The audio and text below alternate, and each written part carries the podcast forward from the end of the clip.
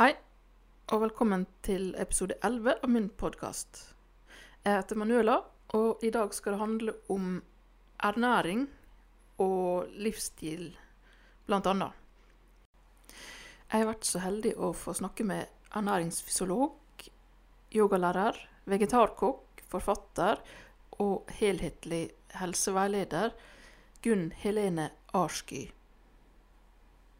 Hun har bl.a. utgitt et titall bøker om helse og ernæring, og er fast skribent i Hjemmet helse, i tillegg til at hun eh, holder kurs og foredrag rundt omkring i landet. Med andre ord er veldig kunnskapsrik, engasjert og oppegående dame, som driver med masse spennende. Ja, hvordan gjeng? jo, her går det fint sitter ved mitt eh, skrivebord som har utsikt rett ut mot et sånn naturområde hvor det går rådyr forbi. Og ja, det er vakkert her i dag i Halden. Nesten blå himmel. Så ja, alt bra her. Ah, jeg snur snø med? Ikke noe snø, nei. Å, Det er nei. bitte litt frost på bakken, det er det hele. Det pleier ikke å bli noe særlig snø her i det hele tatt. Men det oh, er jo en av grunnene til at vi flyttet fra Oslo. Å ja. Mm. Jeg vet ikke om du vil eh, starte med å presentere deg sjøl, eller Jo, det kan jeg godt gjøre.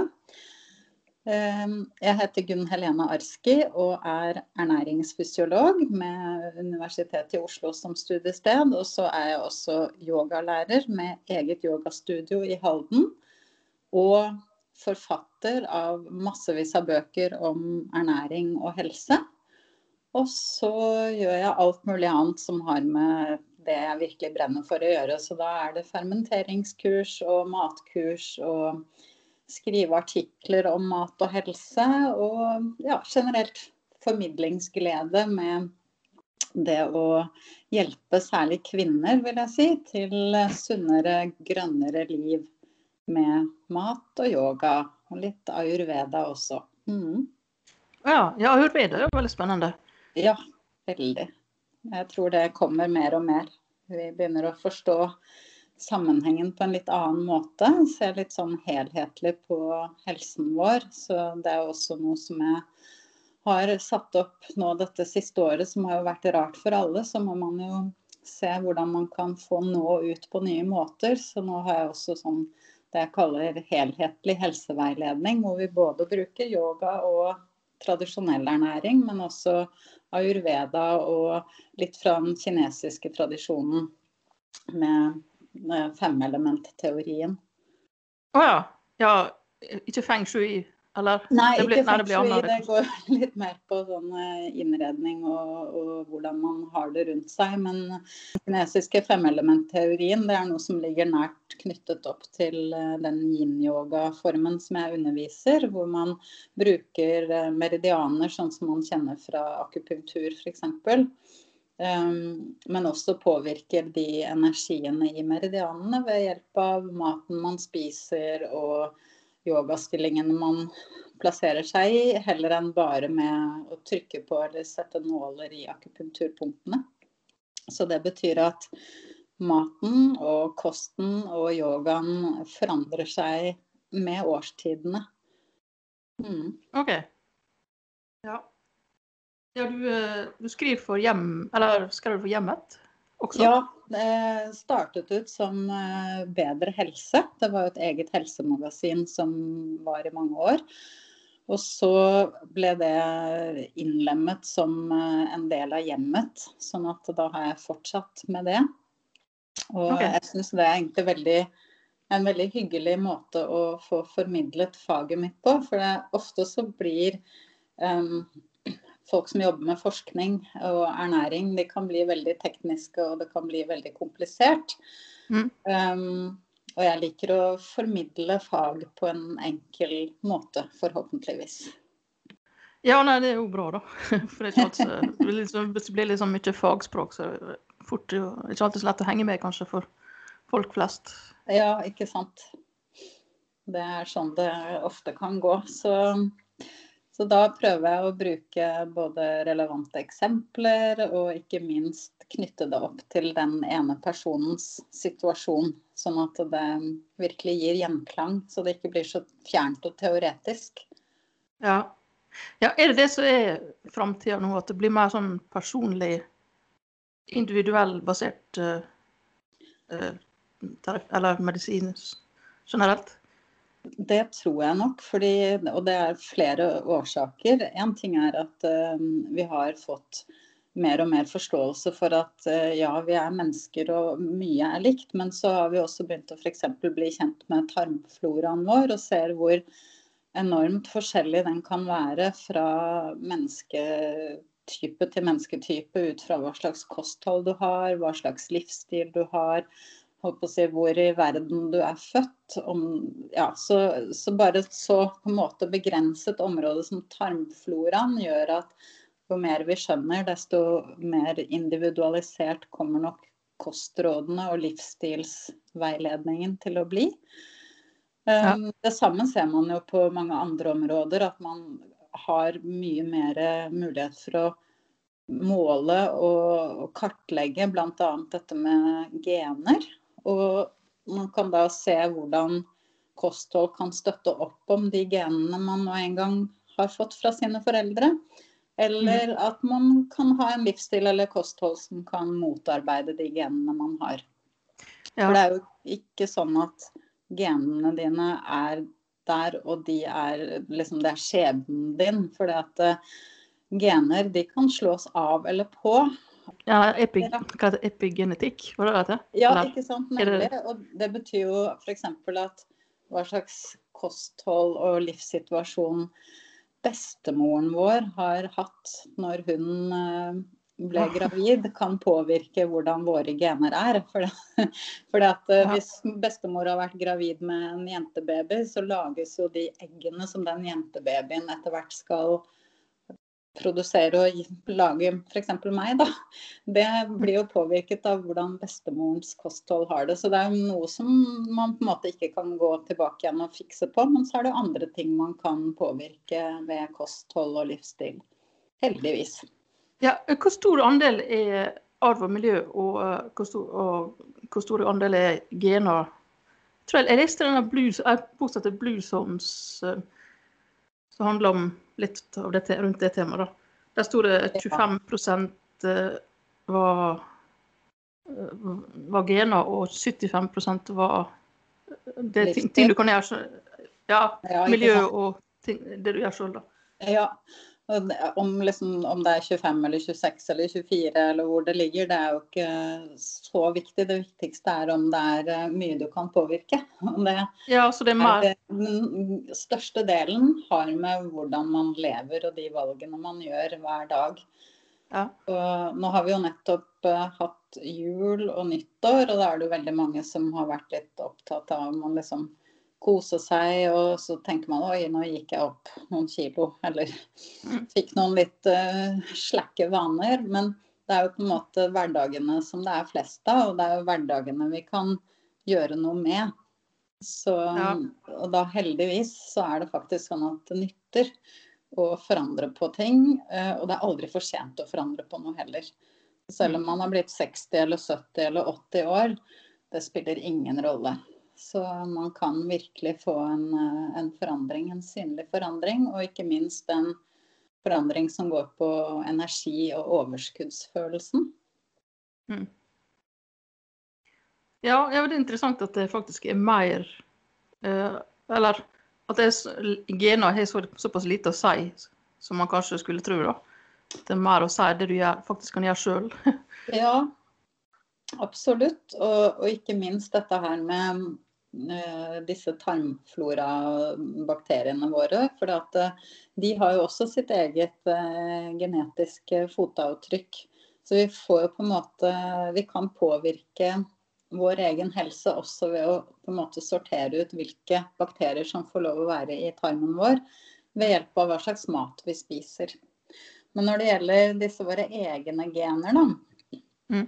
så har det jo vært um, altså når jeg gikk og studerte, så lærte vi på en måte at en celle, når den eh, reproduserer seg selv, en hudcelle da, som eh, begynner å dra på åra, eller ja, mm. den lever nok ikke i mange år, men den lever i hvert fall noen hundre dager. Når den skal reprodusere seg selv, så blir aldri kopien bedre enn originalen. Og hvis vi da røyker f.eks., eller lever på en sånn måte at hudcellene dør litt før den tiden de egentlig er programmert til å vare, så betyr det at vi får en akselerert aldring. At cellene må fornye seg fortere fordi vi lever på en sånn måte. Sammen med en blodcelle som f.eks. pleier å leve i 100 dager. Men hvis den bare lever 90 dager da, pga. hvordan vi lever, så må den fornye seg etter 90 dager istedenfor 100, og da vil kopien bli dårligere. Og vi får en kropp som aldres fortere. Og det er jo noe som forskningen har vært veldig opptatt av nå. Hvordan kan vi forhindre dette? Er det mulig å bremse aldringen? Går det an å kanskje gjøre noe som gjør at den kan reverseres til og med?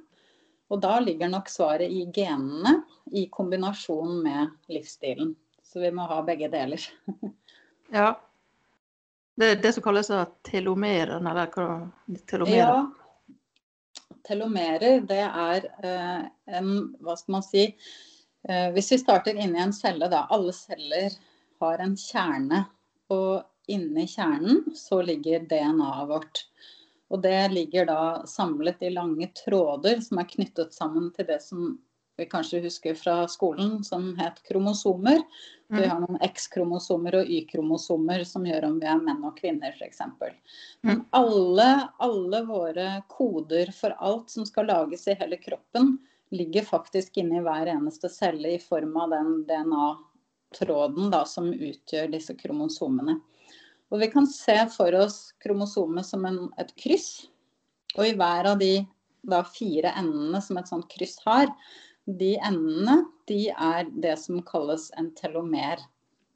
Mm. Og det er på en måte et lite Det ser nesten ut som en slags uh, hårnål eller en sånn liten krok ut på disse fire endene. Og for hver gang vår celle da fornyer seg, kopierer seg, så blir den enden litt kortere. Og de endelengdene, lengden på telomeren, det kan man måle. Og da kan man også forutsi hvor lenge det er igjen før på en måte hele kroppen er død. Jo, kort, jo, kortere de endene er, desto mindre levetid har man igjen. Og da har jo spørsmålet vært går det an å gjøre noe som enten gjør at de lengdene ikke blir kortere på en liten stund, altså at man bremser forkortningen, ja. eller går det an å gjøre noe som faktisk reparerer endene og gjør dem lengre igjen. Og okay. det å gjøre dem lengre igjen, det vil jo si at man rett og slett reverserer aldringen. Det å bevare mm. der man er, det betyr jo at man utsetter aldringen eller bremser aldringen. Ja. ja hvor langt har man kommet på den fronten, da? Det man eh, vet nå, da, det er at det er et spesielt enzym um, som er inni kroppen vår, som heter telomerase. Mm. Ikke så veldig farlig hva det heter. Men det, eh, det stoffet Man ser at eh, jo eldre vi blir, desto mindre av det stoffet har vi. Og det stoffet er det som kan reparere endene på telomeret. Så hvis man spiser et kosthold som gjør at man øker produksjonen av telomerase, så kan man rett og slett redusere liksom, bremse og reversere aldringsprosessen. Um, hvis man har ikke for mye, eller hvis man har uh, uten telomerase, da, så blir disse telomerene bare kortere og kortere for hver gang man deler cellen. Og det har man da skjønt at er en særdeles stor og viktig del av det å eldres, aldres og det å til slutt dø. Og så ser man jo på hva slags kosthold som kan påvirke produksjonen av telomerase. Ja. Men så har man også sett på om det er sånn at jo mer, jo bedre. Trenger, liksom, kan vi bare pøse på med telomerase og holde oss mm. unge inn i evigheten? Og det man ser, er at som med alt så skal det ikke være for mye og ikke være for lite. Fordi f.eks. For kreftceller, der har de masse av det telomerase. Eh, og de er da helt sånn overaktive og lar kreftcellene bare formere seg. Så vi skal ikke tenke at jo mer, jo bedre, men det gjelder å finne den uh, gylne middelvei hvor ja. vi tar vare på genene våre. Ja. Og da kommer vi over i plantekost, stort sett, som er det som har vist seg å ha best effekt. OK. Mm.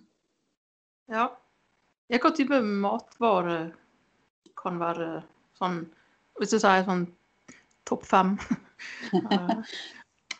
ja, altså eh, det er forskjellige måter å se for seg hvordan maten, eller virkestoffene i maten, kan bevare Mm. disse genene. Og det ene er jo å selv, beskytte selve cellene, sånn at de ikke trenger å fornye seg så fort. Ja. Det, da er vi stort sett snakker om antioksidanter.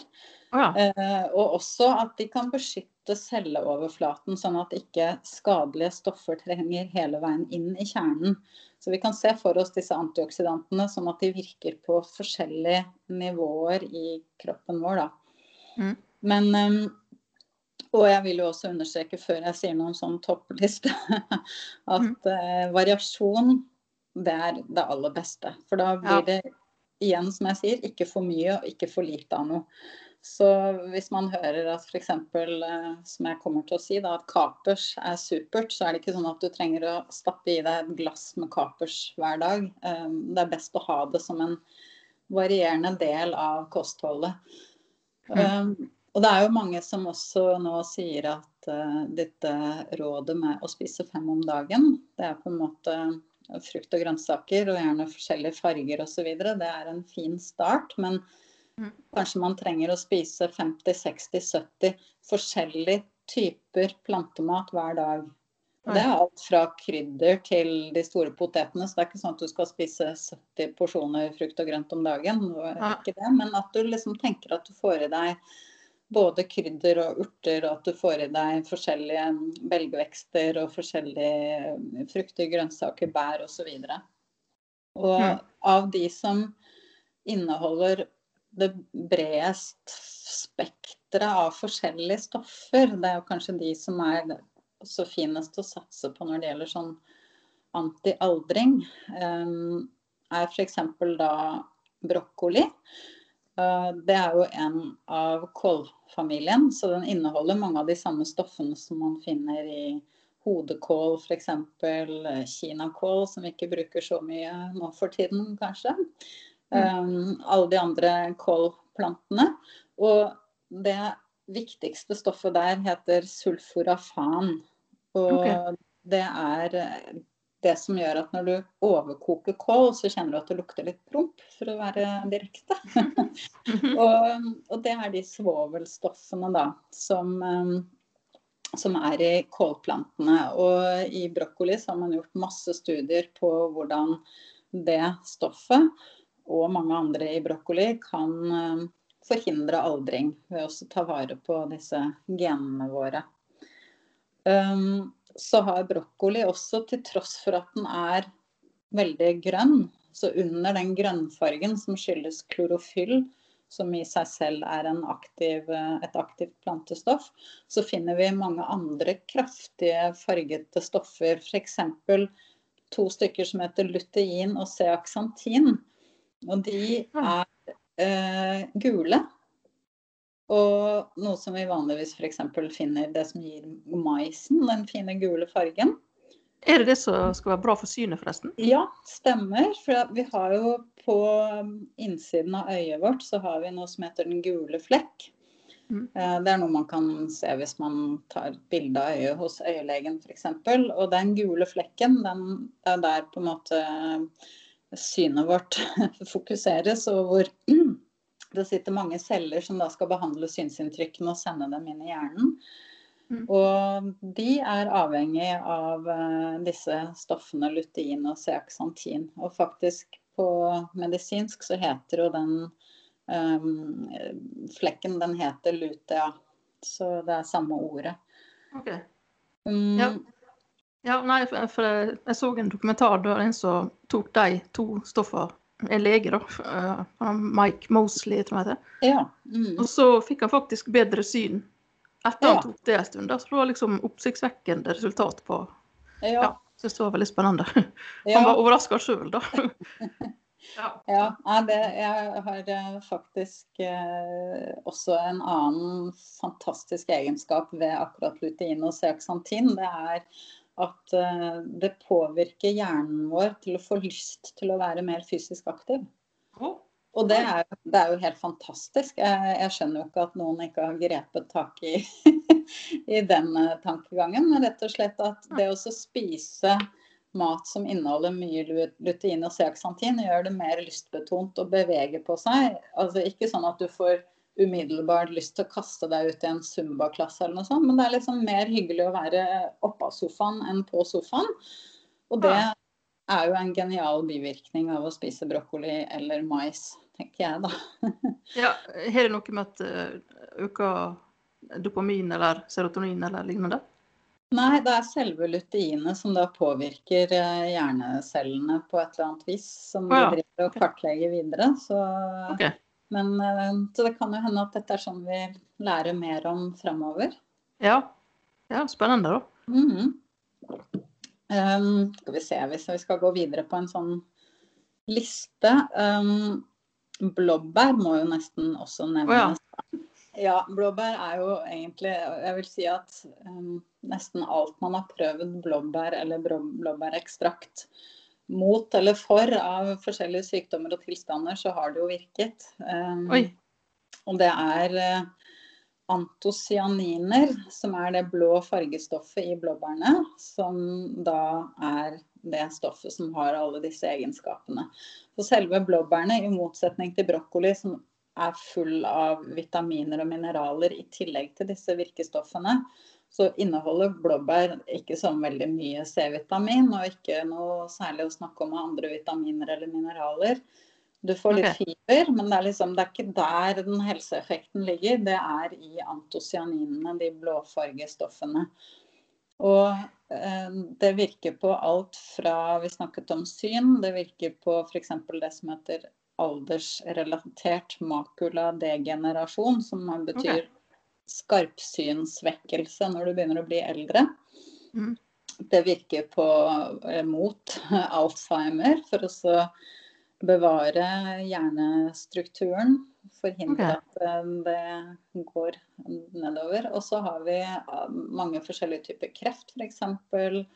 Så blåbær har mye gode egenskaper. Ja, med den blåfargen I noen av blåbær du kjøper på butikk, så er den eh, Eller noen sorter, der er ikke de sånn blå inni. Mm.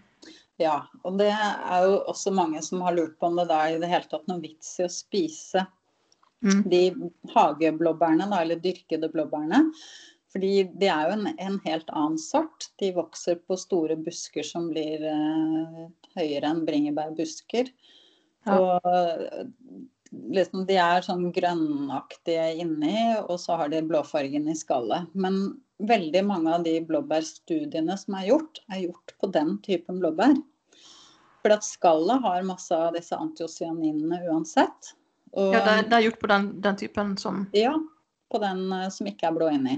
Oh ja, okay. Og det betyr at uh, våre ville blåbær som vokser på lyngen i skogen, de er bare dobbelt så virkning, virkningsfulle. Oh ja. det betyr ikke at de andre ikke har noen virkning, de har masse virkning. Og så er bare ville blåbær enda bedre.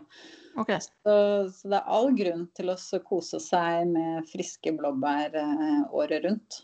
Det er okay. ingen grunn til å tenke noe annet. Men jeg, jeg skjønner jo at mange har eh, lurt litt på det der. Ja. Men hvorfor Mm. den er tatt vekk? Eller hva har har gjort med blåbær? for å Nei, det er bare en helt annen sort. Så oh, ja, okay. det er liksom de, Ja, det heter noe annet på latin også, så det er Å, Ja, så egentlig på engelsk, hvis man eh, leter etter våre norske ville blåbær på engelsk, så er ikke det det som heter blueberries. For det er de store på busken, mens våre blåbær heter billberries. Oh, ja. Så, så det er to helt forskjellige ting. OK. Mm. Ja, det er jo greit å vite. Ja, skal vi gå videre på listen? Ja. Ja, jeg har eh, neste er da kapers, som jeg nevnte. Og det er jo ikke noe vi er vant til å spise i store mengder. Kanskje man eh, kjenner det litt fra at man har fått det på en pizza, eller Mm. at det er litt sånn eh, Ja, vet ikke hvor man har det, oppi en liten snacksskål sammen med oliven og sånn. Men kapers, eh, og både de små kapersbærene og de store som kommer med en sånn liten kvist eller gren, er fulle av et stoff som heter kversetin. Det er også en sånn aktivt plantestoff som ikke er et vitamin eller mineral, men som har sånne DNA-beskyttende egenskaper. Og hvis man kjenner til latin, så har man kanskje hørt at eik heter kverkus, og dette her stoffet ble først oppdaget i eikebark. Det er jo heller ikke noe vi pleier å spise i det hele tatt. Men ja. nå er det mange studier som viser at eh, kversetin fra kapers eh, har en eh, veldig, veldig bra aldersbeskyttende egenskap. Og det samme gjelder faktisk med rødløk, at det er en god del kversetin i rødløk også. OK. Så har man ikke kapers for hånd, eller syns man ikke det er så fantastisk godt. Det er jo litt sånn, det er litt sånn olivenaktig smak, hvis man ikke har, eh, vet helt hvor, hvor i landet kapersen er smaksmessig. Men jeg liker å putte kapers oppi alt fra salater og pastaretter til eh, oppi lasagne f.eks. sammen med oliven, sånn at eh, liksom, du får den lille skarpe eller litt mer voksne smaken også, da, i tillegg til eh, at det er eh, tomater og alt mer sånn barnevennlig. Ja. Så, mm, så det er en fin, eh, fin måte å få det i seg på. Mm. Så er te, grønn te særlig, et flott og beskyttende matvare. Eller drikke, da, hvis man skal si det sånn. Og i teen så er det en gruppe stoffer som heter katekiner. Og de er det mye av i de friske grønne tebladene når de er på busken. Og så i vanlig sort te så har jo bladene først tørket, så har de ligget ute, og etter hvert så begynner bladene å fermentere litt. Så vanlig sort te er fermentert. Men i den prosessen så reduseres mengden av eh, dette, disse katekinene. Ah, Sånn at i den grønne teen, som bare er tørket, men ikke har fått fermentere, så er nivået av katekiner veldig høyt. Og, okay. ja, så det er på en måte også kanskje grunnen til at den teen smaker jo helt annerledes enn den sorte som da har hatt en sånn gjæringsprosess i tillegg. Så Mm. den smaker jo mye mer eh, plantete eller friskt eller grønt, eller hva man skal si. ja. Så, um, så det er flott kilde til uh, i hvert fall den typen antioksidanter. Og så er det mange andre typer antioksidanter i te som både grønn te og sort te og hvit te inneholder. Så all slags te er en super drikke. ja eh, drikker en del roibush. Mm -hmm. nå. Ja, og det er jo en, et flott alternativ til te. Det kommer jo fra en annen busk som ikke er tebusken, så den er jo uten koffein, og det er jo veldig fint for mange. Og så har den rødfargen. I den så er det også mye antioksidanter. Akkurat hva Mm. de heter, husker jeg ikke i farten. Men Ja. eh, de er også absolutt til stede. Men det er ikke den samme Det er ikke katekiner som du finner i den. Å nei, er ikke det det i rooibos? Nei. Oh. Det er andre stoffer. Mm. Å ja, OK. Ja, er det koffein i grønn te? Ja, det er det. Hva er det?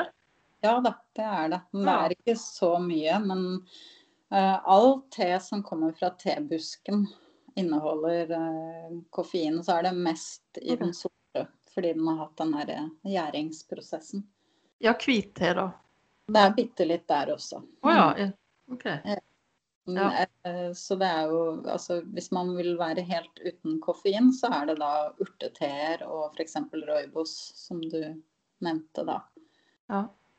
Så, men alle andre teer fra tebusken, hvis man ikke kjemisk har gått inn og fjernet te, eh, teinet, da, eller koffeinet, så, så er det det naturlig i te. Mm. OK. Ja. Ja. Um, jeg har uh, et annet produkt eller, uh, som vi kan snakke om, det er egentlig mm. nøtter. For hvis jeg tar det som en sånn gruppe, gruppebetegnelse på uh, matvarer som er veldig bra for å leve lenge og leve friskt. Og det har jo til og med kommet inn i kostrådene. Det var vel tror det var 2012 de siste kostrådene kom. Og da puttet man inn i rådet om å spise fem frukt og grønnsaker om dagen, så kom det et tilleggs litt sånn underpunkt om at vi alle burde spise en liten neve, eller ca. 20 gram usaltede nøtter om dagen. Okay. Og det eh, rådet kom mest pga. hjertehelse, fordi at alle nøtter inneholder mykt fett som er bra for eh, hjertet.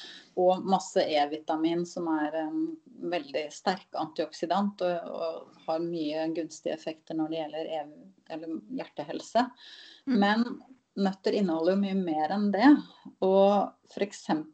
i peanøtter så finner man det samme stoffet, et stoff som heter resveratrol, som er det som gjør at rødvin er så veldig sunt. Ja. Hvis man skal kalle en alkoholisk drikk for sunn. Men um, alle har sikkert hørt at rødvin er bra for hjertet.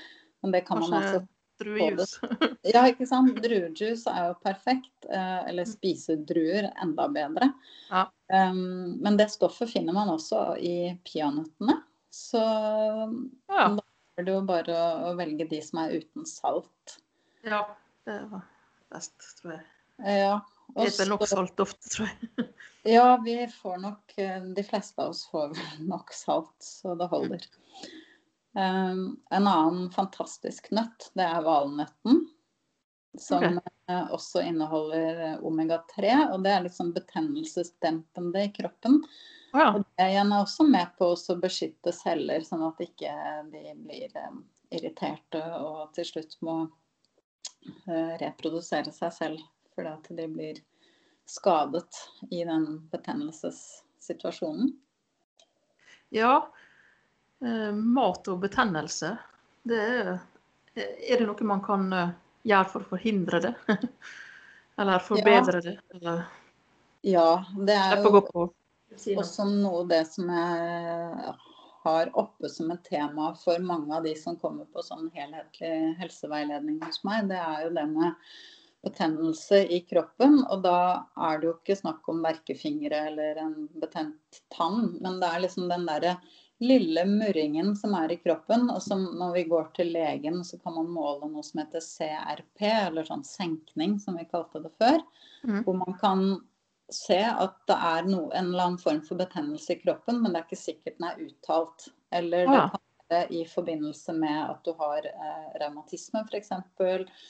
Eller at det er mange som går med noen kilo ekstra på kroppen, vil også ha en litt sånn øket senkning, eller ja. øket CRP, som eh, kan normaliseres igjen med en gang vekten også uh, går litt nedover. Okay. Så Derfor så er det med å hjelpe kroppen i en sånn lett systemisk betennelsesreaksjon, det er også å spise mat som eh, demper. Og det ene, som vi har snakket mye om nå, det er jo disse antioksidantene. Um, det andre er omega-3, som da har en sånn generell betennelsesdempende effekt. Både i blodårer, oppi hjernen osv. Og, så og i leddene våre. Så det er jo en av grunnene til at man f.eks. anbefaler ganske store doser med omega-3 til eh, f.eks. leddgiktspasienter. Ja. Men så kan jo man ha betennelse i kroppen som følge av mage-tarm-problemer f.eks. Hvor det ikke er uh, Kanskje det er irritabel tarm, eller at man har andre problemer som, som gjør at kroppen er liksom sånn litt irritert. Og da er jo ofte det å gå gjennom kostholdet og se om man kan gjøre noen smarte bytter uten å revolusjonere og bytte alt, men se heller på hvilke gode og grep kan vi gjøre som er enkle å gjennomføre, og som kommer til å være varig. For mm. Alt dette som vi har snakket om nå, det hjelper jo bare så lenge man faktisk spiser det. Ja. Det er jo ikke sånn at man kan gjøre det liksom en uke, og så kan man eh, liksom sveve videre på innsatsen. Det må gjøres hver dag. Og hvis man har valgt seg en måte å spise på, eller matvarer å spise som man ikke liker, sånn at man kommer til slutt igjen, da er det på en måte ikke noe poeng. Man må finne det som passer for seg. Og det er det vi innledet med, dette med individuell tilpasning. Det er det jeg tenker blir bare mer og mer viktig. Finne ut hva mm. hver enkelt kropp trives med, og hva man greier å gjennomføre i sitt liv. Så, ja. Mm. Kontinuitet er viktig. Ja, det er det. Ja. Uh, melk, uh, trenger vi det? Det er jo Jeg får på å si det er igjen eh, så må man nesten se litt på hva den personen spiser, og hva slags eventuelle plager personen har. Ja. For det er klart at um, noen av oss reagerer på melkesukker f.eks. og får oppblåst mage og vondt og diaré eller forstoppelse osv. Um, og da er det jo fornuftig å kanskje droppe å drikke melk og bruke mye melk i maten. Men man kan jo f.eks. fint tåle ost. Um, ja. Og man kan fint tåle yoghurt. Mange kan det. Så det gjelder å finne det som passer for den enkelte. Men så kan det jo også være eh, sånn at noen tenker at eh, all melk skal ut av kosten. Eh, og noen tåler jo ikke melkeproteinet, da snakker vi om allergi.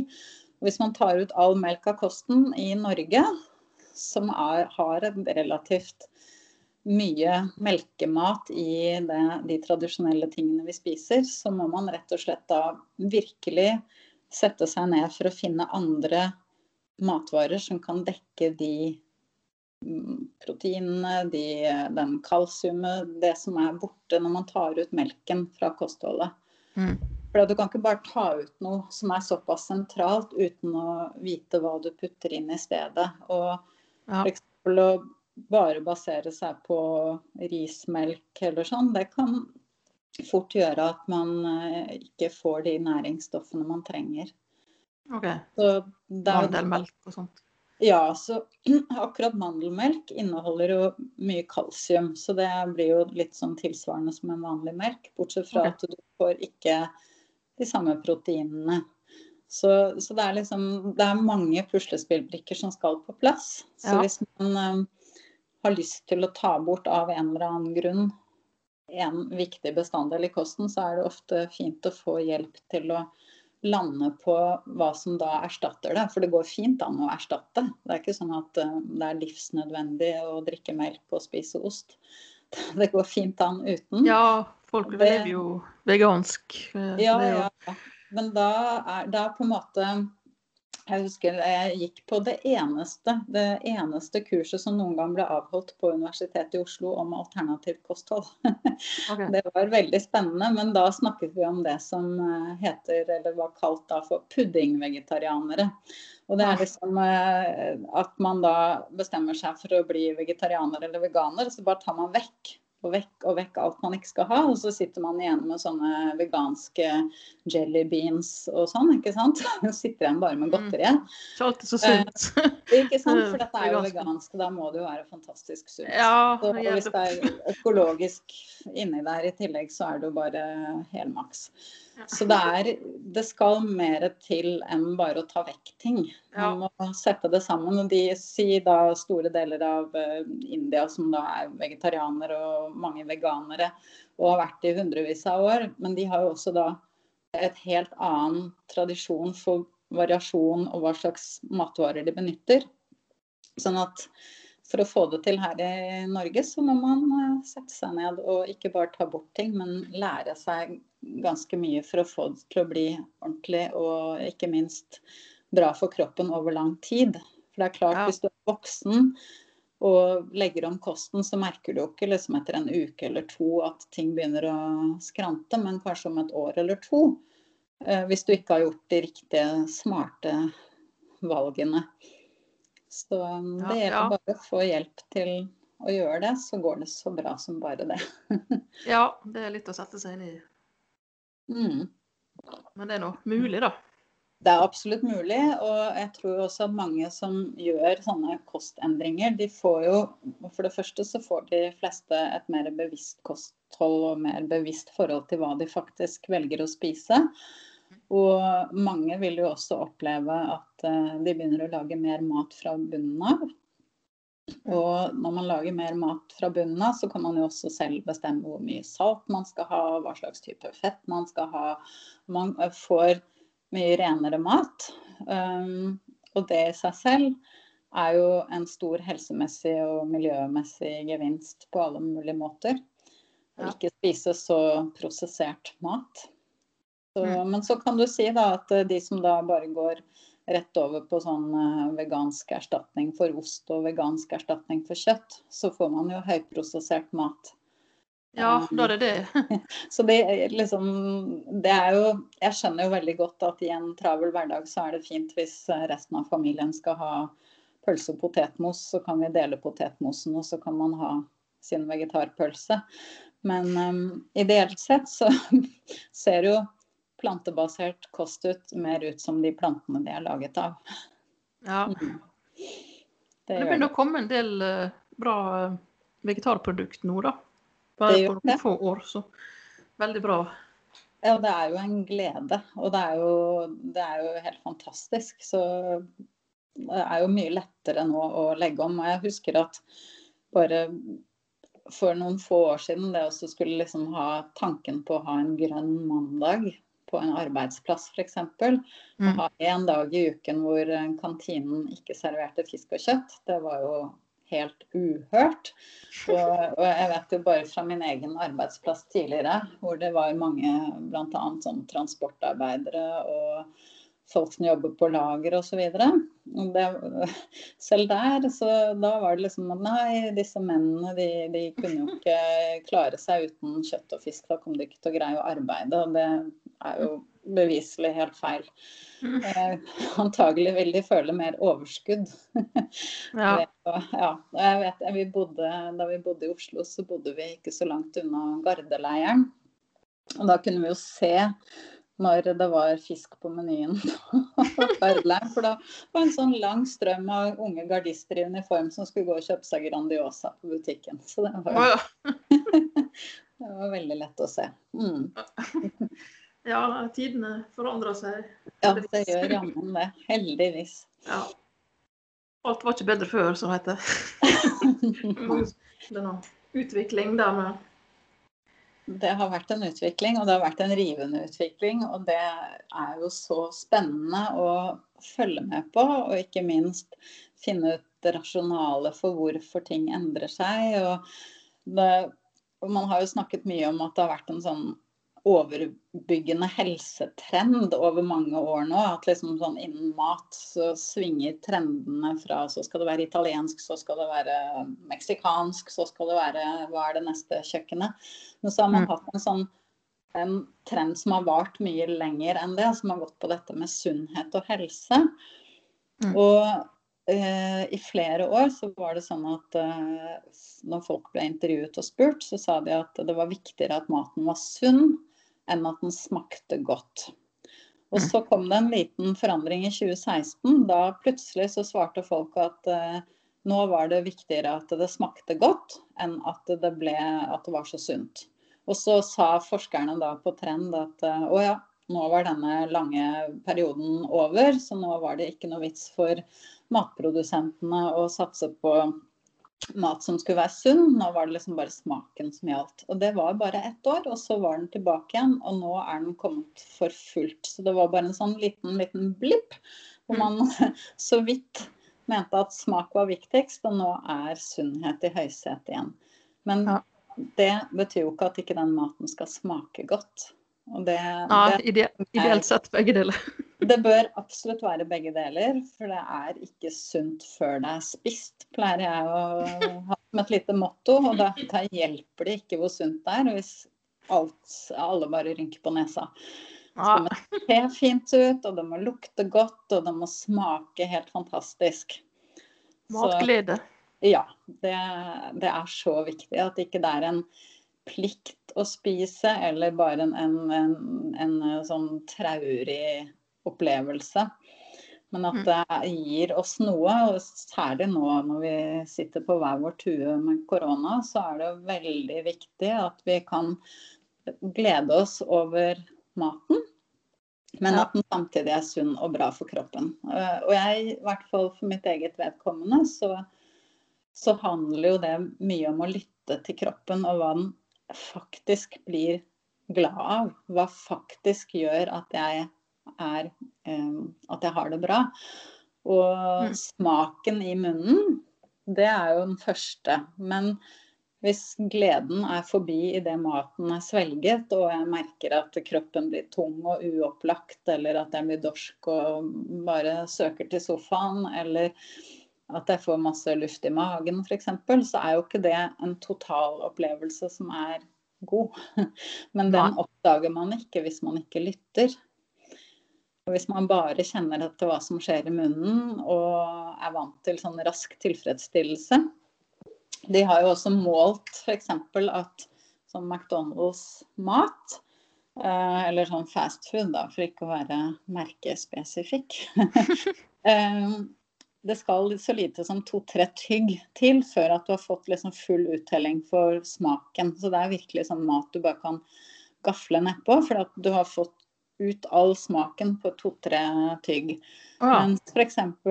grovbrød eller gulrot må du kanskje tygge 15-20 ganger før du begynner å knuse cellene i, og cellestrukturen i maten. Ja. Så mye at uh, smaken virkelig kommer frem. Wow. Det er klart at Hvis du er da vant til å spise mat som du bare kan jafse i deg uten å tygge, ikke gjør som mora di sier, nemlig tygg maten, så vil du også liksom ikke kunne sette pris på den sunne maten så mye. For du får liksom ikke den raske tilfredsstillelsen med smaksopplevelsen i munnen. Wow. Så da trenger vi jo både å lære å tygge maten bedre, og ikke minst kjenne etter hvordan maten får oss til å føle oss når vi mm. vel har spist og maten skal fordøyes, og, og til og med når maten skal ut igjen den andre enden. ja. Hvordan føler vi oss på hele den prosessen? Ja, en ting jeg tenkte på. Uh, folk som uh, er veget... Eller altså Plantebasert kost, går det fortere gjennom kroppen enn mm. kjøtt, f.eks.? Det går mye fortere gjennom. Um, Selve magesekktømmingen går omtrent like fort. For det tar ca. fire timer fra vi har spist til magesekken er tom igjen. Men så den farten nedover i tarmene, den, eh, og vi har jo sånn fire til seks meter ca. med tynntarm som maten skal gjennom, før mm. den kommer ned i tykktarmen, som er liksom siste eh, prosessen. Og i tynntarmen så skal alle næringsstoffene suges ut av maten.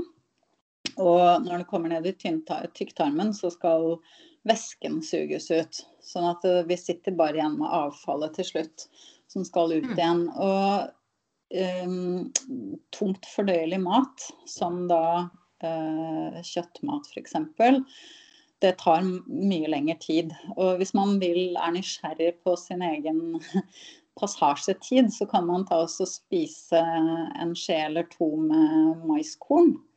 Okay. Og så kan man uh, se hvor lang tid det tar før de kommer ut igjen. Mm. Og man sier jo at uh, vegetarianere vanligvis har én til to avføringer om dagen. Mens man kan jo gå flere dager uten, uten å føle seg forstoppet hvis man spiser uh, mye animalske matvarer. Men så kan man jo også huske på at dette avfallsstoffet som skal ut, særlig i hele tykktarmen, hvor det Mm. begynner å bli mer og mer konsentrert, Mm. da er jo alle disse avfallsstoffene noe som kroppen egentlig vil bli kvitt eh, fort. Og jo lenger tid det får stå i kontakt med tarmoverflaten, desto mer skadet kan tarmcellene bli. Eh, Og det er derfor man kan se en økt forekomst av tarmkreft bl.a. Både fordi at maten går, eller tarminnholdet da går for sakte forbi, men også fordi at eh, konsentrasjonen av sånne avfallsstoffer da er høy over lang tid. Så jo fortere turnover du har, desto mindre tid får forskjellige skadestoffer da potensielt stå stille ved siden av den samme cellen før den rykker videre framover i tarmen. Å ja. Yes. Mm. Spennende. Ja. Eh, Man kan jo også bruke yoga sammen med dette her, for man kan jo også gjøre yogaøvelser um, som hjelper maten gjennom tykktarmen på en fortere, fortere og bedre måte, f.eks. Så det er liksom mange måter å, å angripe en trøblete mage på. ja. Mm. Mm. ja, du driver med yoga med, du? Ja, jeg har eh, utdannet meg som yogalærer og har eget yogastudio som er i huset mitt. Så akkurat nå for tiden så er det jo bare online-undervisning. Men ellers så har jeg yogaelever fysisk også. Og privat sånn én-til-én. Og så har jeg også yogamassasje. OK. Som er en, eh, også en fin måte å kunne eh, nå spesielle områder i kroppen, da. F.eks. For fordøyelsen. Mm. Ja. Um, sånn som um, av trening, eh, som yoga eller cardio eller styrketrening eller sånn, eh, er det noe som er mer gunstig i forhold til eh, å bremse aldringsprosessen? Ja, altså det man har studert, det er i hvert fall at både yoga, men også mindfulness og meditasjon, som i sin tur reduserer stress, det Mhm. kan være med på å beskytte den telomerenden. Så det går egentlig litt på, på den kanten. Det er klart, hvis du driver hard fysisk aktivitet, så, så er jo det også bra for å f.eks. vedlikeholde skjelettet holde hjertet i form osv. Um, jeg, har, jeg må bare ærlig innrømme at jeg har ikke lett opp så mange sånne studier som går på jogging og har fysisk aktivitet, for det ligger ikke mitt hjerte så nær.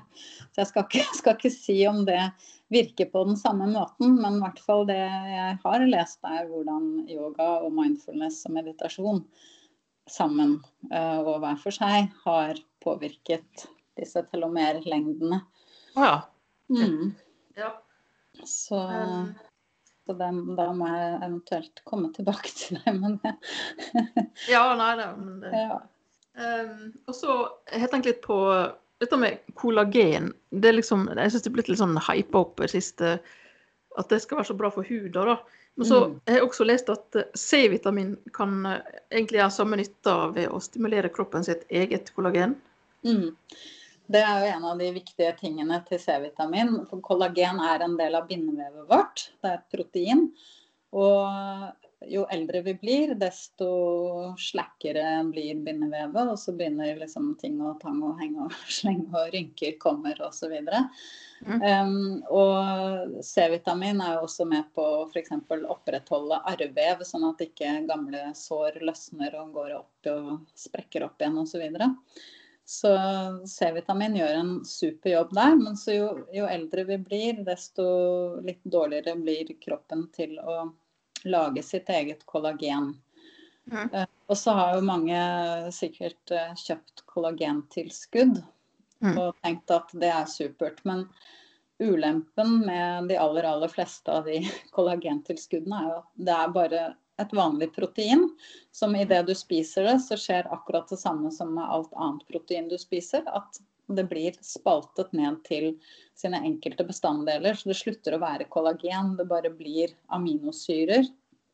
Og så kan kroppen bygge da eventuelt sitt eget kollagen. Så det er noen få produkter hvor de på en måte har greid å gjøre noe med kollagenene, sånn at når du tar kapsler eller spiser det, at det kommer nokså uforandret fram dit det skal. Men okay. det som nok er i hvert fall bedre ut fra sånn helhetlig tankegang, er jo også å spise nok med protein, sånn at kroppen kan bygge sitt eget. Støtte opp med C-vitamin, sånn at eh, kroppen får hjelp til sitt eget produksjon. Mm. Og så er det også sånn at um, når vi jobber med den yogaformen jeg gjør, yin-yoga, så jobber man også med bindevevet, fortrinnsvis fremfor muskler. Og det gjør også at man kan stimulere produksjonen av kollagen, men også hyaluronsyre, som er wow. poppis å ja. sprøyte inn og, og, ta i forskjellige former.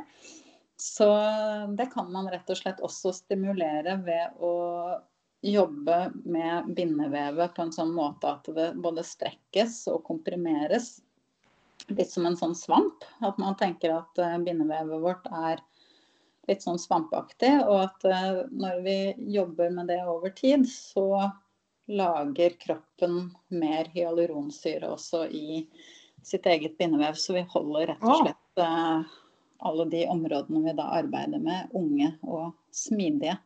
Å oh ja, så du kan stimulere mm. det også sjøl? Mm, det kan man. Det er jo det er fint. ja. Det er greit å vite at det er noe man kan gjøre sjøl.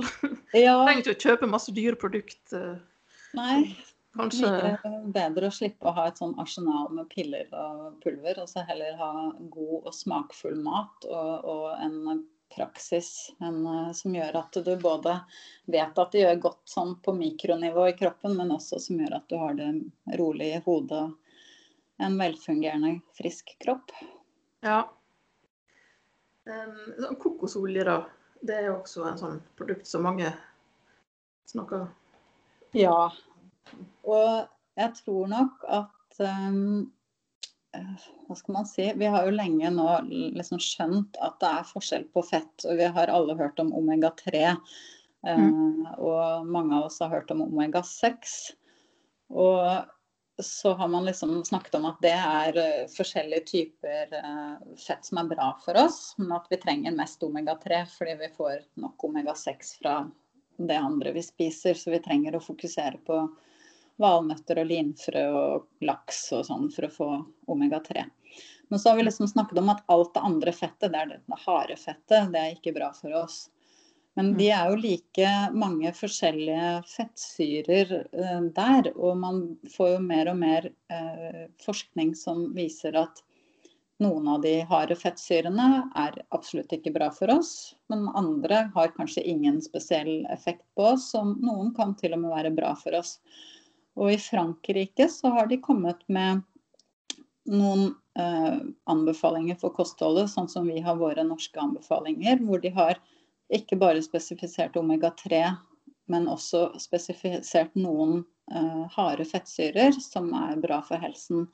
Okay. Det regner jeg med at nå kommer det nye nordiske ernæringsanbefalinger om ikke lang tid. Og da kan det godt hende at de også har tatt inn over seg at uh, de harde fettsyrene som i liksom gruppe er ikke bra for hjertet, som øker kolesterolet, at innen i den gruppen så finnes det nok også forskjellige typer fettsyrer som har forskjellige egenskaper, og som kanskje fortjener å bli skilt ut og sett mer gunstig på. Og blant dem så er jo da um, kokosolje noe som er et spennende område. Som hvis du spør de fleste, så vil de fortsatt si at kokosolje er mettet fett, og vi skal spise mindre mettet fett. Men mm. at man kan antagelig eh, forvente at det kommer en litt annen holdning etter hvert. Muligens til kokosolje, muligens også til eh, noe av det fettet som f.eks. finnes i ost. For når man lager ost, ysteprosessen, gjør noe mm. med fett Sånn at melkefett kanskje ikke er så gunstig, mens ostefett muligens er gunstigere for hjertet. Mm. Så det her er spennende. Det er ja. bare å følge med, så kan vi se. Men jeg vil absolutt ikke liksom foreslå at noen skal spise flere skjeer med kokosolje hver dag for noe spesielt helsefremmende nå. Men om man velger kokosolje framfor olivenolje til å lage mat, det går helt fint. Men man trenger liksom kanskje ikke å ta flere spiseskjeer som medisin, eller sånn som andre tar tran. For det, det er ikke D-vitamin oppi der, det er ikke omega-3 oppi der. Så ja. ja, nei. Jeg, ja. Eh, noen bruker det til å skylle tennene, sånn hva heter oil pulling. Eh, sånn, sånn skyld. ja, det hører jo med som en del av en sånn ayurvedisk morgenrutine.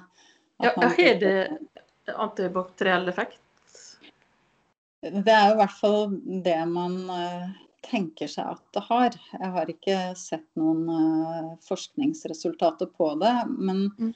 og, og, i hvert fall sånn som jeg tenker, så må man jo også ja, se for seg at mange av disse rutinene og tradisjonene har jo vedvart i mange tusen år. Mm. Um, kanskje før uh, tannpasta kom på banen, f.eks. mm. Ja, så vi får se hva framtiden viser. I India nå forsker de veldig mye på ayurveda og alle disse gamle rådene for å se hva de har av eh, vitenskapelig støtte. Ja. Så, så, det igjen er en sånn ting som vi kan se på. Men i, i, det tilfellet så grugler man og spytter ut igjen. Så det blir jo på en måte i hvert fall ikke snakk om at man inntar masse for så vidt tomme kalorier, da. Ja. For du får ikke ja. noe ja, annet fra det. Men um, nei, det blir spennende å se hvordan uh, man lander med disse fettsyrene på den mettet fettsiden, da om uh, flere av dem blir måte, frikjent. ja. Mm. ja, for det er vel Var det kolesterol det kunne ha effekt på?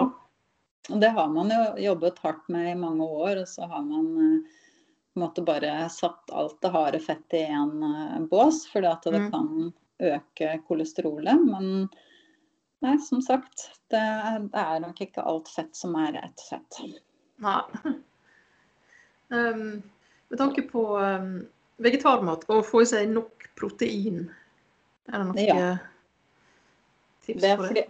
for de aller fleste så vil det ikke, i hvert fall for vegetarkost, hvor du enten bruker eh, noe melk og ost eller yoghurt, eller om du bruker egg, eller om du bruker begge deler, så er det ikke noe problem å få i seg nok protein. Okay. Um, det gjelder bare å spise nok mat. Mm. Um, hvis man er veganer, så er det heller ikke noe problem å få i seg nok protein. Og sånn som man trodde eh, inntil nylig, det var at eh, for at kroppen skulle få benyttet seg av alle proteinene som var i den veganske kosten, så var man nødt til å gjøre sånne spesielle kombinasjoner. At man måtte spise f.eks. ris sammen med bønner i samme måltid. Ellers så ville ikke proteinene fra f.eks. risen da bli brukt til noen ting. Mm. Men nå har man vist seg at uh, kroppen kan fint greie å bruke litt som du spiste fra frokosten sammen med det du spiste fra kvelds. Så man har gått bort fra de der veldig strenge kombinasjonsoppleggene hvor man måtte kombinere protein fra flere kilder i samme måltid. Så, okay. så men igjen så gjelder det jo egentlig bare å spise variert og, og spise nok mat. Ja. Uh, sånn at det finnes jo sånne veldig spesielle dietter hvor man f.eks. bare spiser nedfallsfrukt. Og, og, da får du jo verken nok protein eller nok fett eller nok vitaminer eller nok noe som helst. Så det er jo ikke en diett som er forenlig med liv. Men vegansk diett er jo absolutt det. Men igjen, det er det der med å vite hva du skal putte inn isteden når du tar vekk noe. Ja. Hvis du tar vekk kyllingen og ikke putter inn noen bønner eller kikerter eller eh, for den saks skyld nøtter eller hva som helst inn i det samme måltidet, så sitter du igjen med et måltid uten protein. Så man må putte inn noe annet. Man må rett og slett det. Ja. Men jeg, jeg, er ikke bekymret for uh, proteininntaket til uh, veganere, så lenge man spiser nok. Og, og så som vi snakket om, ikke blir sånn pud puddingveganer, da. Som bare sitter med bears. mm. Ja, da er det et puslespill. Ja, det er jo et puslespill egentlig for alle. Men det er bare at det ene puslespillet det har eh, Norge lagt i hundrevis av år, så det er vi vant til. Men det er liksom når man skal bytte ut mange av brikkene, så må man se litt annerledes på det. Mm. Ja, um, hvis man skal sammenligne vegansk kost og pesketariansk og vegetarisk, er det noe forskning som sier hva som er sunnest?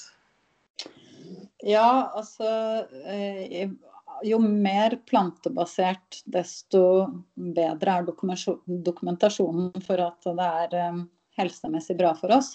Ja. Sånn at eh, hvis man liksom skal rangere, så vil jo en, en sånn alteter som både spiser kjøtt og fisk og plantemat, um, er den gruppen som da har relativt sett høyest risiko for uh, sykdom f.eks. og overvekt og for tidlig død. Og så vil det være litt lavere når du er en pesketarianer hvor du har tatt bort kjøttet. Mm. Um, så vil det være enda litt lavere hvis du er en uh, vegetarianer som spiser uten fisk og kjøtt. Og enten med eller uten egg og melk, en av dem. Mm. Og så har du ned på veganerne. Og i, særlig det vegetarområdet, der er det gjort masse studier. Særlig fra et universitet i California som heter Loma Linda-universitetet. Som um, er et velrenommert og stort universitet, men som drives av syvendedagsadventister, og de er vegetarianere. Og derfor ja, har vi veldig mange forsøkspersoner å studere.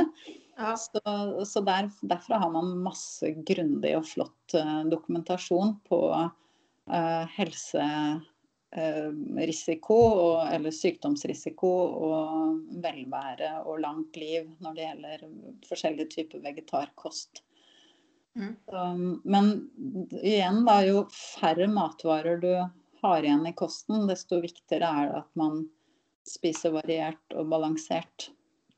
Så det mm. kan jo også, liksom, hvis du begrenser det enda mer da, og sier at du er veganer som bare spiser rå mat f.eks., så begynner det å bli vanskelig å opprettholde kaloriinntaket f.eks., for, for da kan du ikke spise korn. Wow. korn da kan du ikke ha Du kan ikke ha, spise råkorn. Eller eh, ja, mange av bønner og linser og sånn som også må varmebehandles før du kan spise det. Så jo flere restriksjoner man legger på seg selv, desto vanskeligere er det å få det til å gå opp, da. ja. mm. Men sånn eh, vegetarianer som inkluderer melk og eller egg, det tror jeg kanskje man kan si er det enkleste å få til. Og det har mer enn nok god helseeffekt. Så selvfølgelig veganer ofte noe man velger også ut fra andre perspektiver enn helse, men også f.eks. dyrevelferd og etikk og moral osv. Ja. Så det er jo forskjellige grunner til at folk velger å spise grønnere, for å si det sånn. Ja, det er også starte i det små med at man har en grønn mandag, eller at man f.eks. bestemmer seg for at alle frokostene skal være uten kjøtt og fisk, f.eks. Så går jo det helt fint. Og det er jo mange som tenker at ja, men Norge vi har jo ikke noen tradisjon for å spise vegetarisk. Men hvis man mm. tenker sånn, så har vi jo f.eks. lang tradisjon for å ha pannekake og ertesuppe tirsdag. Ja. som er absolutt et vegetarisk kost eller måltid. Eller å ha risengrynsgrøt på lørdagen. Ja. Som er et vegetarisk middagsmåltid. Så ja det er ikke vanskelig å finne eksempler på det i norsk kosthold heller, men vi har liksom kanskje ikke tenkt på det. At oi, ja, det er jammen nå er det et vegetarisk måltid. For det er liksom det er bare pannekaker og suppe. Ferdig med det. ja. Tenk, for, sånn, med tanke på uh, blodsukker, uh, jeg leste en plass at uh, kanel kunne være bra for blodsukkernivået. Mm. Er stemmer det? Ja, det stemmer. Det er, eh, det er, gjort mye studier på det. Og det er en av de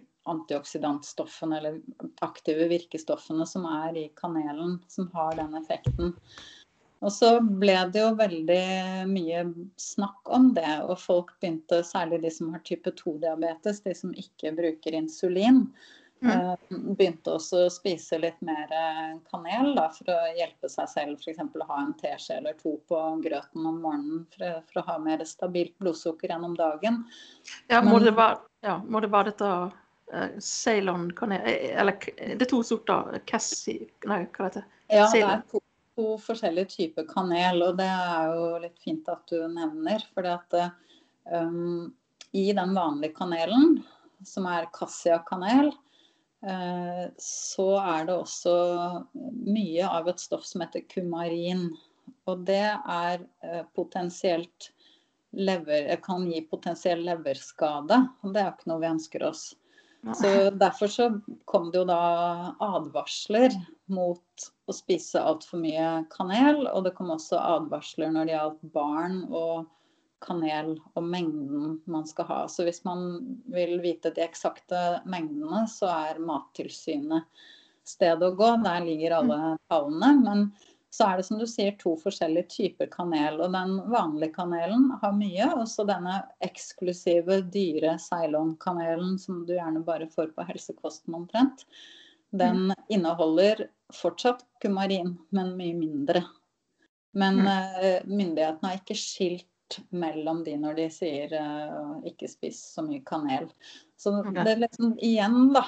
Det er noe med det at spis variert, spis balansert, og ikke tenk mm. at én ting skal være det ene som skal uh, ordne opp i alt. Liksom en teskje kanel om morgenen, og så kan du leve med wienerbrødene dine resten av dagen. Nei, det er ikke sånn. ja, men, men det, det, du nevnte om kanel, denne studiet, eller eh, om eh, Og blodsukker, var det Ja, altså da påvirker kanel sånn at blodsukker ikke stiger så mye etter et måltid som det ellers ville ha gjort. ved ah, ja. Så det er rett og slett noe man bare kan måle. Um, ah. blodsukkeret og se liksom, hvor høyt det går, og hvor lang tid det tar før det går ned igjen etter et måltid. Så da kan man da f.eks. Det er jo det samme man kan måle med søtpotet og potet. Som jo er egentlig helt merkelig, men at søtpoteten også inneholder et eller annet kjemisk stoff som gjør at til tross for at de inneholder like mye karbohydrater, så vil søtpoteten stige mindre altså har lavere påvirkning på blodsukkeret enn en vanlig potet. Når begge to er kokt og man har spist akkurat like mye av de, og enda søtpoteten smaker søtt, mm. så påvirker den blodsukkeret i mindre grad. Så derfor har søtpotet blitt eh, også mer, mye mer populær blant type 2-diabetikere. Og alle andre som ønsker å passe på blodsukkeret sitt. Men mm. der er det ingen sånne skadestoffer å ta hensyn til, heldigvis. Ja, jeg spiste Jeg får en lilla søtpotet her en dag. Den var veldig god. Ja, og da fikk du jo det beste av to verdener. For da fikk du Det er det samme blåstoffet som det er i blåbær. Dette antocyaninene, som er da helt, helt naturlig til stede i den søtpoteten. Og det er jo, Når vi snakker om poteter og farge, så er jo det noe som har forundret meg, da, eller som jeg har tenkt mye på. For jeg jobbet i mange år i Bama, de som har med frukt og grønnsaker å gjøre. Ja, ja, ja, og da var jeg bl.a. på en sånn um, potettur til Nederland. På en sånn uh, forskningsstasjon uh, ute på et jorde hvor de drev med potetstudier. Ja. Og da hadde de så mange forskjellige sånne blå og lilla og røde poteter som var blå og lilla og røde tvers igjennom.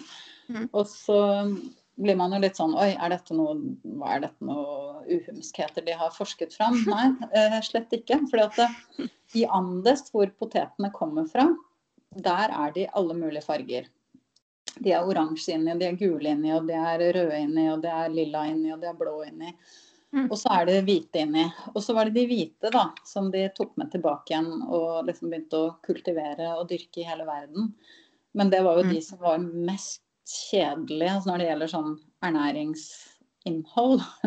Ja. da fikk du ikke alle disse antioksidantene som de fargerike potetene inneholdt. Ah.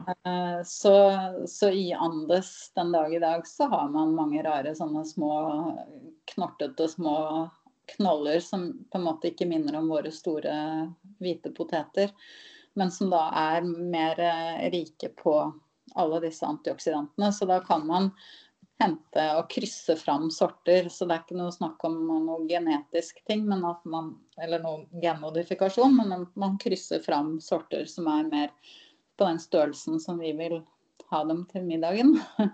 Ja. og ikke fullt så mange bukler som de potetene naturlig har. Sånn at det blir litt mer runde, sånn som de vi kjenner da. Nei, så det er potetsagaen. Det var vi fikk liksom importert eh, fra 1600-1500-1600-tallet, de med minst helse spennende helsestoffer. Ja. ja. ja, nei, den eh, Det er vel den søtpoteten, den, den eh, oransje, som blir mest brukt. Jeg vet ikke om Den er, den er litt vanskelig å få tak i, den lilla? Eller, ja, den er ikke så ofte man ser. Så hvis man ser, får tak i en lilla, så er det jo bare å, å kjøpe og kose seg.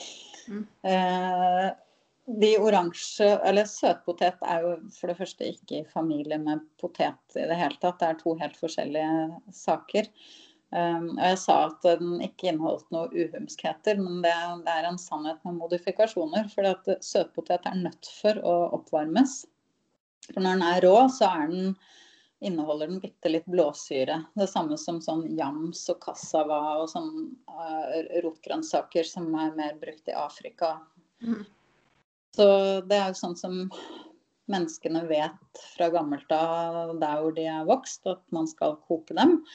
Men så kommer eh, vi i Norge og så ser vi en søtpotet som smaker sånn og ser ut som eh, fargen på en gulrot, og så tenker vi at ja, men da kan vi rive litt søtpotet og ha i salaten. Men mm. det bør ikke. Vi bør varme opp den. Å ja. ja. Så da forsvinner den blåsyren? Eller? Ja. Da er ja. helt borte. Okay. Ja, ja, forresten, eh, blåsyre, er ikke det i eh, med? Jo, det er det. Så eh, inni selve kjernen der, så er det det. Så derfor så har man jo litt sånn Man har litt vage anbefalinger, men man har i hvert fall sagt at man bør ikke spise knuste linfrø. Bruke hele linfrø og ikke for mye om gangen. Okay. Så, fordi at knuste linfrø har jo eh, mye bra ved seg også. For når man har knust dem, så får man ut omega-3, man får masse jern og alt det som er inni det harde skallet på frøet. Mm. Og man får alle de gode fibereffektene og fordøyelseseffektene, men man slipper også ut den blåsyren. Da. Så derfor så bør man uh, bruke hele linfrø, og så bør man oppbevare linfrøboksen sin i kjøleskapet, for de inneholder masse fett som kan harskne. Oh, ja. Det er heller ikke oh. bra for oss å få i oss harskt fett. Oh. Så, så derfor så man bruker linfrø med omhu. Ja. Eh, hvordan det med chiafrø, da? Er det De er jo ikke sånn at de harskner så lett, og det er ikke noe blåsyre inni de, men likevel okay. man ser på um, emballasjen, så skal det stå at maks dagsdose er 15 gram, eller to spiseskjeer ca. Um, og det er rett og slett fordi at uh, i Europa så regnes chiafrø fortsatt som det de kaller en ny mat. En ny matvare ifølge EUs regelverk. Okay. Og det er ikke gjort nok allergistudier f.eks. på det. Og derfor så har man uh, måttet si en sånn maksgrense. Okay. Uh, det er litt interessant, for det gjelder jo Europa, hele Europa. Um, mens mm. amerikanske myndigheter har f.eks. ikke noe sånne grenser. Og dermed så kan man fort få oppskrifter på nettet hvor det brukes mye mer enn to spiseskjeer i en porsjon, f.eks. av en chiapudding. Da er man, eh, så man bør egentlig vurdere hvordan man bruker de for å være på den trygge siden. For det er en eh, matvare som ikke er kjent brukt uh, her i, i liksom lange, mange, mange år. Okay. Um, Ja, det er mer sånn litt sånn eh, føre-var-prinsippet akkurat på chiafrøene. Men de er jo til gjengjeld så fine for oss å ha, så det, det man eh, De to spiseskjeene bør man absolutt bruke om dagen. Um, De inneholder mye omega-3. Så hvis man ikke vil bruke linfrø, så er jo chiafrø super, Pluss at det har denne fine egenskapen til også å binde væske. Gelere, sånn at du kan bruke det til å tykne f.eks.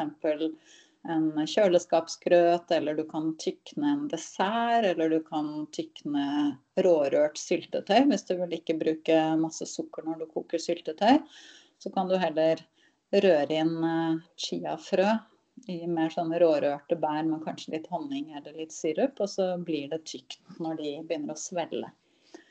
Ja. Metta bra, da. Ja. Eh, Ja, amarant, gjelder det samme for den? Med tanke på at man ikke skal spise for mye av det? Det har jeg ikke sett eh, noe om. Jeg tror ikke det gjelder. Det er jo et frø også som er eh, ganske nytt i Europa. Det er vel egentlig mer brukt i Afrika. Både som frø, men også som en grønnsak. Selve når den frøet vokser og blir en sånn bladaktig plante, så kan man bruke den sånn som kanskje vi bruker spinat. Men jeg har okay. ikke, sett noe tilsvarende om det. Nei. Men den Eller jeg vet ikke om den kan spises rå, eller om den bør kokes. Noen lager Frø- popkorn. Frøene.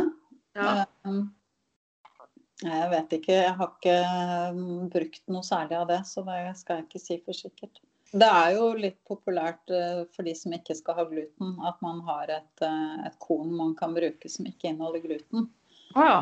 Um, Den grønnsaken Jeg jeg har vært med på en sånn åpen hage her i Halden hvor eh, man har dyrket mat sammen. Og da var det en familie fra Afrika et eller annet sted, og de dyrket masse amarant. OK. Som de brukte som eh, altså bladene, da. Og da fikk vi en sånn nydelig grønnsakstuing hvor de bladene var. Og de var, var litt, litt bitre og minnet liksom i bruken om spinat, da. Jeg tror de var ikke på jakt etter frøene som, som korn, liksom. Nei. Eh, Bladene de var interessert i. Ja. ja, quinoa, er det, er det gluten i? Nei, det er det heller ikke. Så ah, ja. eh, det er også et fint alternativ. Og det er også inneholder en ja, omtrent samme mengden protein som vanlig korn gjør. Sånn at det er jo en fin erstatning for de som ikke tåler hvete uh, f.eks. Så kan man bruke quinoa. Og det kan man jo både koke grøt på. Uh, tar litt lengre tid enn en havregrøt, men du kan få en god frokostgrøt av det. Eller du kan bruke det som et alternativ til ris ved siden av middagen f.eks. Bare for å få annen smak og annen tekstur. Så det er et supert kornslag. Eller det er et gressfrø, da. Ja. Mm. Ja, ja havre, det er gluten i? Eller? Havre er egentlig glutenfri fra naturens side. Men Å Eh, de vokser ofte ved siden av hvete, og de kan også Den vanlige havre vi kjøper, den er gjerne behandlet på en mølle hvor det er hvete, rug, bygg også. Og det er til at den kan bli forurenset, sånn at hvis du måler om det finnes gluten til stede i havren, så er det nok at det da på en måte har vært i luften inni der. Oh. Til at det slår ut på instrumentene. ja. Så um, hvis man skal uh, være sikker, så finnes det glutenfri havre som bare er da laget på et produksjonsanlegg hvor det ikke er uh, disse andre kornene i det hele tatt. Okay. Så det er ikke noe annerledes med havren, men da er det bare holdt helt separat, sånn at ikke det har kommet noe gluten fra de andre kornene. Ja. Mm. Og det er jo så bra at eh, det liksom eh, dukket opp. Det er ikke så mange år siden vi fikk det helt ordinære jeg si, bjørn havregryn uten gluten. For det, det har jo gjort det så mye enklere for eh, alle med cøliaki eller glutenintoleranse at man har et helt ordinært havregryn som man kan bruke. Som Mm. funker uten at man må gjøre om oppskrifter eller andre hensyn. Så det er jo strålende. Ja. Ja, nei, nå har vi gått gjennom masse. Så jeg vet ikke om det er noe mer du, du vil tilføye? Nei, jeg vet også sånn kanskje som en sånn oppsummering eller avrunding, da, så kan vel kanskje eh, i hvert fall si at ja, plantemat og grønn mat det er bra for oss alle sammen. Og det eh, fins mange måter å spise sunt på. Eh, Mm. og det fins også for hver og en av oss vår måte å spise sunt på som gjør at vi kan leve et godt og friskt og spennende og glad liv. mm. Ja. Um, ja, hvor kan folk nå deg hvis de vil ha mer informasjon? Eh, Jeg har en blogg som heter gunnhelenearski.no. Det er Arski med Y. Okay. Der eh, finner man både masse artikler og stoff, og så er det også link til eh, mailen min, som er gunn.helene.arski.gmail.com. Okay. Og eh, har jeg en Instagram også som man gjerne kan se, som er baking yogi. Baking yogi. Jeg elsker å bake. Så mm, da har man mange muligheter, og jeg svarer så fort som bare det. Mm. Ja, neimen eh, Da må jeg si takk for masse nyttig og spennende informasjon. Jo, Tida bare raser av gårde. Ja. Veldig, veldig bra. så hyggelig. Så fint. Ja, neimen takk, tusen, tusen takk for at du tok deg tid. Jo, bare hyggelig. Så gleder jeg meg til å høre på når det er på lufta. Ja, Ja, kjempefint. Tusen takk. jo da. Det var en stor ære. Jo, takk, takk. Samme. Ha det, ha det. Ja, ja ha det.